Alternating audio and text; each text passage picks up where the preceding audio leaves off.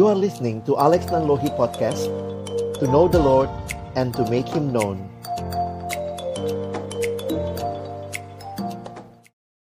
Halo teman-teman, ketemu lagi di MBD. Mesti banget dengerin. Eh.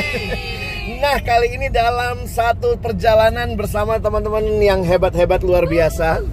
Ini adalah teman-teman dari berbagai daerah di Indonesia. Oke, kita kenalan dulu nih. Ada siapa nih? Ada Robin dari Surabaya. Oke. Ada Bea dari Kupang, Noni dari Banyuwangi, Feng dari Di Makassar. belakang ada siapa tuh? Rico dari Jakarta. Ben dari Sidikalang. Oke, baik teman-teman hari ini kita eh, pengen nih membahas satu tema yang asik, yang pasti juga jadi banyak pertanyaan, khususnya buat ya mungkin bukan cuma buat orang muda ya, tapi untuk semua kalangan, semua generasi. Kalau bicara sukses, nah teman-teman di sini juga eh, sedikit pemberitahuan nih, umurnya beragam di eh, podcast kita kali ini. Ada yang masih muda, ada yang sudah tidak terlalu muda. Yeay. Jadi kita mau kita mau sama-sama dengerin kali ya. Eh, kalau bicara sukses nih ya, buat kita teman-teman sendiri apa sih yang teman-teman hayati sebagai sukses dan apakah teman-teman kalau diminta untuk mencoba mendefinisikannya atau menggambarkan tuh kayak apa? Nah, silakan nih mulai dari siapa dulu? Ya kalau dari saya sih kalau sukses itu eh, sesuatu yang kita inginkan, kita harapkan bisa tercapai, bisa kita dapat ya itu sesuatu yang sukses. Tetapi sebenarnya bukan cuma masalah sukses yang dalam hal materi kita dapatkan ataupun juga cita-cita. Sukses di dalam eh, berbagi dengan sesama bisa menjadi berkat ataupun juga berguna dengan orang lain bagi saya itu adalah sukses sih. Oke. Oke, itu dari Kak Bea ya. Kalau dari Noni, sukses itu adalah sama sih sebenarnya bukan hal yang berupa materi meskipun itu bisa dikatakan sukses juga. Tapi menurutku sukses secara pribadi itu adalah ketika kita bisa mengendalikan diri sendiri dan mati dari diri sendiri. Woi, rohani banget. Mati bo. mungkin teman-teman bisa bisa nambahin mungkin bukan mesti definisi aja tapi apa aja sih faktor-faktor yang mempengaruhi kesuksesan kalau Oh menurut ya, teman-teman? Kalau menurutku sih kita tuh nggak bisa ya sukses sendirian. Jadi pasti itu semua adalah kasih karunia Tuhan dan anugerah Tuhan dalam hidup kita. Haleluya. tapi tapi tapi kita juga butuh orang lain loh untuk uh, Iya. bisa menolong dan mensupport kita biar bisa sukses gitu Iya, dan kita bisa meng-up uh, mengupgrade diri kita gitu ya untuk bisa terus berkembang maju dan bagi saya itu juga sukses Paling penting dari siapa dukungannya ini? Gimana yang teman-teman di belakang? Riko. Kalau dulu ya, em, mungkin sukses menurut gua adalah cita-cita tercapai. Kalau dulu gua pengen jadi dokter, maka sekarang kalau gua kerja di institusi rumah sakit dan dapat gaji gede, nah itu definisi sukses dulu. Nah, tapi setelah gua udah mengenal Tuhan, eh, gua akhirnya mikir gini, bahwa hidup gua ini bukan lagi gua yang hidup, tapi Tuhan dalam gua. Jadi gimana kalau eh, gua mengaitkan akan cita-cita gua dengan kehendak Tuhan dalam hidup gua. Jadi yang paling penting sih eh, faktor berusaha untuk mengetahui Tuhan pengen apa sih dalam hidup gua. Eh, Tuhan pengen gua melakukan apa dan eh, itulah sukses yang sebenarnya. Jadi kalau sekarang gua eh, melayani kaum muda, siswa, mungkin menurut dunia gua kagak sukses. Tapi dalam visi kerajaan Allah, ya gua memenuhi akan eh, takdir ataupun atau eh, rencana Tuhan, kehendak Tuhan dalam hidup gua. Ya kira-kira kayak gitu. Nah, Sekarang kita dengar dari Sidi Kalang. Hihi. Eh, kalau bagi orang Batak itu ada namanya 3H gitu ya. Apa itu? Hamoraon, Hagabeon, Hasangapon. Gitu ya. Yang artinya berakit-rakit kayak bukannya. eh, Hamoraon itu kekayaan gitu ya. baru Haga Beon itu dia udah menikah punya anak laki-laki dan perempuan gitu ya dan Hasangapon itu kehormatan dia terhormat gitu jadi tiga ini sangat-sangat dijunjung tinggi sama orang Batak gitu dan selalu dipesankan turun temurun kau harus sukses kau harus ya inilah eh, apa namanya capaian suksesnya itu yang tiga H yang tadi itu. Tapi seperti yang kakak-kakak tadi bilang itu bahwa ternyata sukses itu nggak hanya soal materi gitu ya. Bagi aku pribadi dulu juga kayak gitu. Udah lulus sarjana maunya kerja punya istri punya anak dan semuanya terhormat gitu ya. Ternyata nggak hanya hanya gitu doang. Tapi sangat sederhana sih. Sukses itu hmm, apa ya makan kuaci dulu ya Eh, berarti sekecil apa pun bagi kebaikan orang lain nah itu sih sangat sederhana sebenarnya begitu wajib dong sukses Iya, kecil tapi berarti. Ya meaningful ya bagi orang lain. Meaningful ya. Oke, terima kasih teman-teman. Kalau dari Kak Robin sendiri ini, saya sambil nyetir ya. Mungkin boleh nggak Kak Robin inget-inget apa aja sih faktor-faktor yang mempengaruhi kesuksesan itu? Kalau masih inget-inget dulu ya waktu orang tua selalu bilang, eh mesti jadi orang sukses ya gitu. Karena kan namanya orang tua ya semuanya pasti maunya anaknya sukses Ah. gitu ya. Dan kita selalu jawabnya amin begitu ya. Tapi kalau dilihat faktor-faktornya mungkin kalau secara pribadi lihat ini kali yang pertama kita punya potensi apa sih? Tuhan kasih kita apa? Begitu ya. Hmm, hmm. Nah, kadang kita lihatnya selalu bandingin sama orang lain. Jadi kita nggak bisa bersyukur nih akhirnya. Ya jadi kita nggak jadi sukses karena apa? Lihatnya orang lain terus gitu. Hmm. kita pernah lihat Tuhan nih Tuhan kasih apa aja nah yang kedua juga mungkin lihat lingkungan sekitar. Kita lupa gitu ya. Kadang Tuhan tempatkan kita di di mana begitu. Nah kadang kita pikir kita ini apa? Mau jadinya apa? Terserah terserah aku gitu. Nah itu Hmm. nggak jadi sukses tar menurutku. Kalau tadi kan definisinya berdampak bagi orang lain. Nggak mungkin dong kita bilang bahwa ya udah aku ini aku mau jadi ini. Orang lain peduli amat. Nggak mungkin Hmm. gitu. Nah kemudian yang ketiga juga mungkin dari eh, ini ya bisa jadi orang-orang kakak rohani gitu ya. Hmm. mungkin bahkan relasi kita dengan Tuhan sendiri itu menolong kita untuk kita ngerti nih apa yang Tuhan mau. Nggak bisa dong kita bilang bahwa nih nih aku mau ini. Kita kan diciptakan pasti semuanya punya tujuan dong. Iya. kalau kita bilang nih handphone nih yang mau untuk ngerekam nih ya. Kita bilang handphone gitu. Kalau kita bilang handphone handphone ada yang besar ada yang gede. Yang besar untuk ini Hmm. eh, peng- pengganjal pintu bisa nggak? Bisa juga tapi kan diketawain orang dong. Itu kan punya tujuan begitu. Sih nggak bisa. Kita melepaskan dari apa yang sudah Tuhan berikan dalam hidup kita. Amin, terima kasih. Jadi menarik juga nih, eh, kalau melihat bahwa banyak orang mendefinisikan sukses itu dari apa yang dicapai, tapi teman-teman memberikan wawasan melampaui sukses. Ada hal-hal yang bukan hanya sukses jadi tujuan, tapi sukses bicara juga tadi soal ini ya, taat sama kehendak Tuhan.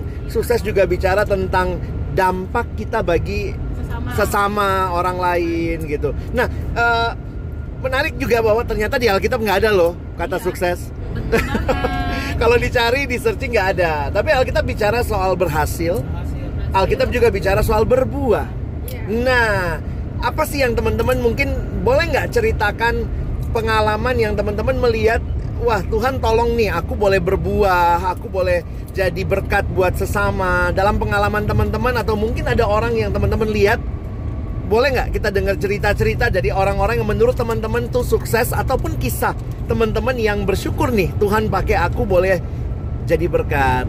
Nah gimana nih? Silakan.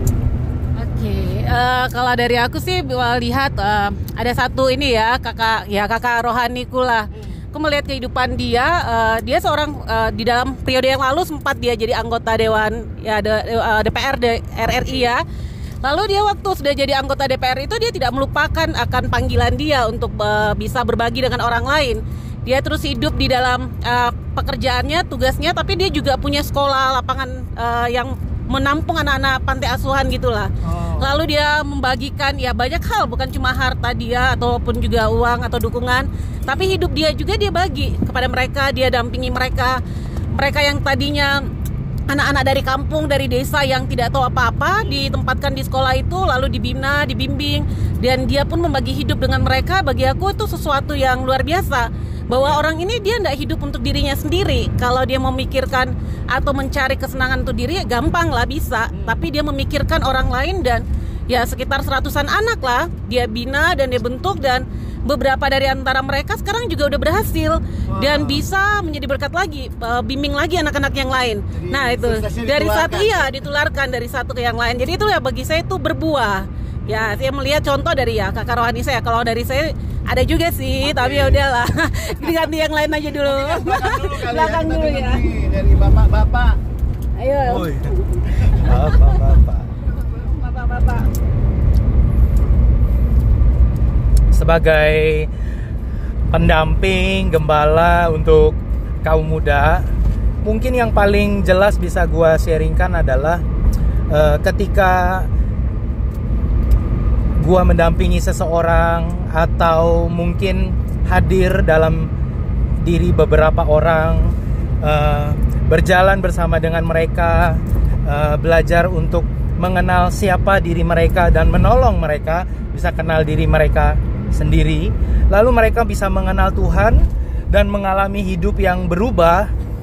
Bagi gua itu hidup yang berbuah atau hidup yang berhasil. Sehingga dalam pelayanan-pelayanan kalau melihat ada orang eh, berhenti merokok, eh, berhenti nyontek atau relasinya juga berubah dengan orang-orang di sekitarnya eh, itu adalah satu kepuasan, satu sukacita tersendiri eh, dan itu memberikan konfirmasi bahwa wah hidup gua berhasil. Berhasil apa? Berhasil jadi berkat buat orang lain. Nah, Kira-kira eh, gitulah. Oke, eh, kalau di tempat kami itu di di Sumatera Utara ada seorang abang yang aku menarik melihat kisah hidupnya. Dia bukan orang yang yang apa ya, yang kaya raya dibilang enggak juga. Tapi eh, di Danau Toba itu dia membuat sebuah gerakan membaca dan dia eh, menggerakkan semua orang untuk ngasih kontribusi lewat apa? Ngasih buku yang bekas, Uh, dan dia juga pernah kalau nggak salah dua tahun lalu berenang di Danau Toba itu 18 km gitu ya. Dan dia menggalang dana lewat itu gitu ya jadi dia menginspirasi banyak orang untuk tergerak ngasih kontribusi supaya anak-anak di Danau Toba itu eh, gemar suka membaca gitu. Latar belakangnya menarik juga karena abang itu nggak suka membaca. Ah gitu kan. Jadi dia nggak pengen anak-anak di sana kayak dia gitu dia. Jadi eh, sampai sekarang udah ada di daerah Danau Toba itu dibuat dia sopo-sopo belajar itu berupa perpustakaan-perpustakaan mini di sana. Dan itu bukan hanya dari dia tapi dia juga eh, menggerakkan orang-orang untuk terlibat di sana. Jadi maksudnya dia juga memberi dampak bagi anak-anak dan dia juga memberi dampak bagi orang lain supaya terlibat ikut dalam kesuksesan dia gitu kira-kira contoh yang yang menginspirasi saya Oke, kalau ini aku sih mau cerita pengalaman pribadi ya. Jadi kalau kalau beberapa orang itu kan eh, sukses kalau punya banyak uang. Nah, bagi orang tuaku itu kalau kita punya banyak uang itu sukses lah. Kalau dibandingkan dengan adik-adik, saudara-saudara dan sebagainya, aku nggak termasuk orang yang sukses menurut mereka karena pilihan untuk menjadi staf perkantas tuh ya, itu seperti pilihan yang eh, apa ya? yang bodoh mungkin ya bagi beberapa orang. Padahal mungkin mereka bisa berpikir, oh lulus lulus kuliah dengan nilai cum laude, kemudian dengan waktu yang cepat kuliahnya, terus bisa melanjutkan S2 dan seterusnya. Itu kan bisa menjadi satu jalan kesuksesan. Tetapi eh, bagi saya eh, waktu hidup saya berdampak bagi orang lain, bagi saya itu sukses. Sukses untuk eh, memenuhi eh, apa yang Tuhan rancangkan untuk hidup saya. Dan kemudian yang paling penting sih sebenarnya puas ya dengan Tuhan. Bagi saya itu cukup untuk eh, membuat saya bisa belajar melihat apa sih rancangan Tuhan buat eh, hidup saya gitu. Terus satu satu yang menarik kalau misalnya ke sekolah atau ke kampus tiba-tiba ah Kaven Kaven loh ini siapa? Gitu ya nggak kenal.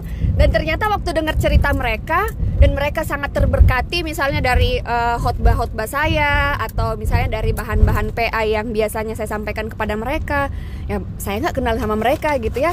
Tapi ternyata dari hal-hal yang seperti itu mereka ingat dan mereka banyak mengalami perubahan-perubahan dalam hidupnya loh. Dan bagi saya memberi dampak sekecil itu bagi saya itu sukses. Dan bukan bukan bukan bahwa saya sudah berhasil untuk membuat mereka seperti itu enggak. Tetapi bagi saya sih merasa puas ya. Ya. puas bahwa eh, saya mengerjakan hal-hal seperti ini pun juga bisa memberkati banyak orang. Itu sih kalau kalau menurut aku sih ya. Iya, luar biasa ya Kak Feng.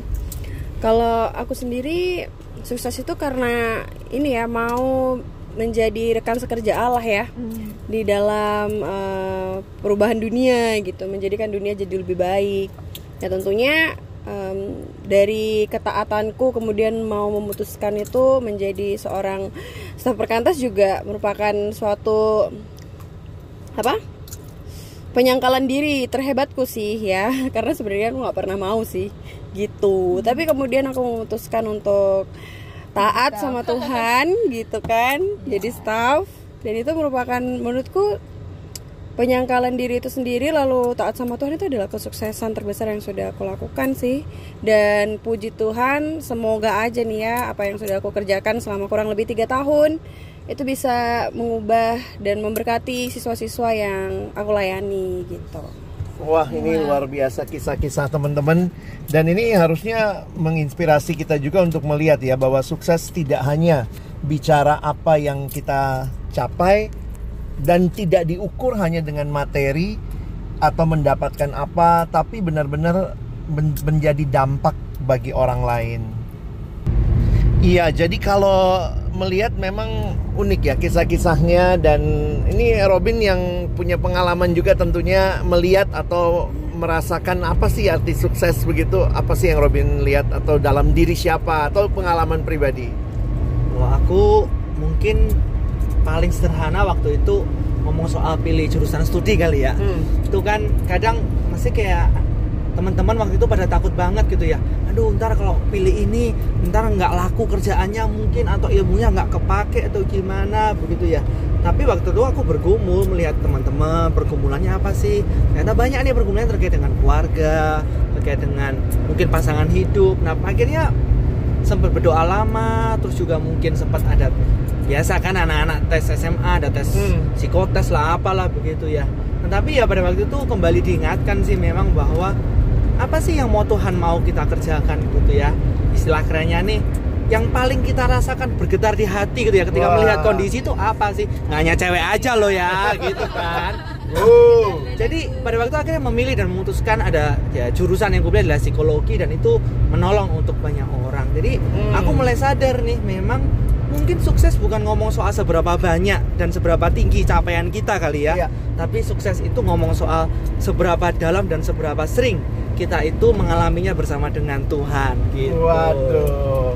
Ah, nah ini teman-teman uh, obrolan yang kayaknya makin hangat untuk dibahas tapi karena waktu juga kita mesti coba rangkum nih. Teman-teman apa yang jadi closing stat- statement dari teman-teman supaya yang mendengar podcast ini juga akhirnya bisa makin memikirkan sukses itu seperti apa. Jadi silakan buat teman-teman boleh berikan closing statementnya. Ya, buat semua anak-anak muda yang sedang ingin mencapai cita-cita dan mimpinya, menurutku tidak ada salahnya bermimpi setinggi langit. Jadilah em, seseorang yang berhasil menjadi orang kaya pun itu sebenarnya nggak masalah. Nah, kalau misalkan kita menggunakan kekayaan kita untuk kemuliaan nama Tuhan dan mendukung pekerjaan pelayanan Tuhan, gitu ya. Jadi tetap semangat, jangan lupa untuk taat sama Tuhan karena dan dekat-dekat dekat dengan Tuhan karena dengan begitulah kita bisa mencapai sukses kita dan menjadi utuh di dalam Tuhan. Ya kalau dari saya sih eh, sukses di ya merangkum semuanya. Apa pun yang kamu cita-citakan, apa pun yang kamu inginkan, semuanya kamu doakan, terus cari kehendak Tuhan. Dan yang terpenting ketika kamu mendapatkan itu, jangan kamu pakai atau kita pakai untuk diri sendiri, tapi biarlah kita pakai supaya eh, sesama kita pun juga bisa merasakan apa yang kita rasakan. Jadilah orang yang berguna, orang yang bisa menjadi berkat bagi banyak orang dan lewat diri kita semua ya Tuhan dipermuliakan selalu. Ya kalau dari aku eh, puas dalam Tuhan itu penting. Gitu. Jadi eh, apa pun yang kita kerjakan, kita puas, itu akan menghindari kita dari eh, rasa iri, akan menghindari kita dari uh, membanding-bandingkan dengan diri orang lain, membanding-bandingkan kesuksesan dengan orang lain. Tapi puas di dalam Tuhan itu uh, cukup cukup untuk membuat kita mensyukuri banyak hal. Itu kalau aku. Oke, eh, kalau terakhir dari saya, eh, sukses itu ketika kita puas memberi, bukan puas menerima gitu ya. Jadi tentang memberi, bukan tentang menerima sesuatu. Jadi sukses itu dari kakak-kakak yang lain juga tadi adalah tentang dampak kita bagi orang lain. Jadi kepuasan yang sejati ketika kita memberi bukan menerima. Oke. Kalau dari gua eh, kunci dari sukses adalah bersama Tuhan atau disertai Tuhan. Apa pun yang lo lakukan, eh, apakah itu memenuhi target, apakah melenceng dari target, atau apakah lo mesti harus banting setir ngerjain yang lain. Tapi selama lo tetap disertai Tuhan, eh, itu berarti sukses yang sejati. Jadi pastikan lo selalu bersama dengan Tuhan, didampingi Tuhan dan senantiasa eh, mengaitkan akan semua rencana-rencana hidup lo kepada kehendak atau firman-Nya. Iya, terima kasih dan Kak Robin apa yang jadi closing statement nih? Ya mungkin kalau dari aku aku berpikir ini kali ya Sukses nggak nempel di ntar pekerjaan kita, pendapatan kita Sukses itu bareng sama Tuhan Wah, terima kasih. Jadi teman-teman hari ini kita belajar banyak bahwa saya juga jadi ngelihat dengan banyaknya teman-teman yang punya perspektif tapi semuanya bicara tentang hal yang sama. Sukses harusnya didefinisikan dari seberapa kita dekat dengan Tuhan, taat kepada Tuhan, berjalan bersama Tuhan, bukan seberapa banyak yang kita miliki tapi seberapa kita boleh berbagi dan juga jadi berkat buat sesama. Sehingga pertanyaannya kita ini sukses nggak ya? Kalau benar sukses, apa yang jadi definisi kita? Sudahkah mirip seperti yang kita sharingkan hari ini? Oke, sampai jumpa lagi teman-teman. MBD, mesti banget dengerin. Yeay, sampai jumpa. Bye.